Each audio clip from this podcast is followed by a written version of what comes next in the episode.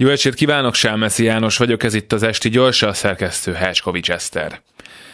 Képzeljék, ma reggel úgy alakult, hogy nem vettem észre két milliárd forintot. Mentségemre szóljon, hogy dollárban volt, szóval csak nagyon kis helyet foglalt az asztalon, ráadásul igazából nem is két milliárdot, hanem csak 1,8 milliárdot rejtettek az USA zászló mintás szatyrok. Könnyen elsiklik az ember tekintete néhány papír feszni felett.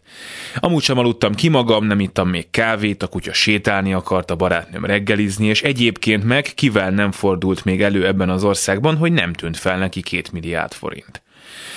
Nem is hazudna ilyesmit senki, annyira átlátszó lenne, meg abszurd, pont mint 44 millió forintot költeni tollakra egy olyan választási kampányban, ami rutinos, akár már 3-4 választási kampányt is elbukó tanácsadók és politikusok dolgoztak akiknek hozzám hasonlóan nem tűnt fel az a nagyrakás USA dollár, amit a demokrácia megmentésére kaptak. Pontosabban nem is ők, hanem az a másik, aki elrontott mindent, aki miatt már megint diktatúra és kétharmad, ők ott sem voltak, nem láttak semmit, főleg a pénzt nem, én pedig ezt a saját reggeli példámból tanulva természetesen elhiszem nekik.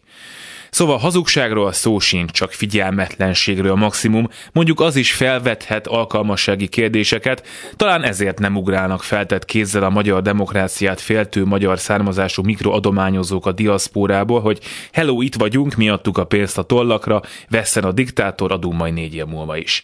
Apropó négy év múlva, most, hogy nekem sem tűnt fel az a két milliárd forintnyi dollár az asztalon, egyrészt remélem, hogy még este is ott lesz, mert szeretnék magamnak is egy szép tollat. Másrészt kéne egy csomó, természetesen egyáltalán nem a választási kampányra szánt óriás arról, hogy a miniszterelnök rossz, én pedig jó vagyok, hiszen ezután a dolláros fiasko után ki más lenne a legalkalmasabb minden idők legkorruptabb magyar kormányának és autokrata vezetőinek leváltására, mint én.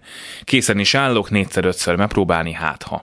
Szóval négy év múlva találkozzunk. Addig létszik, küldjetek pénzt, lehetőleg dollárban.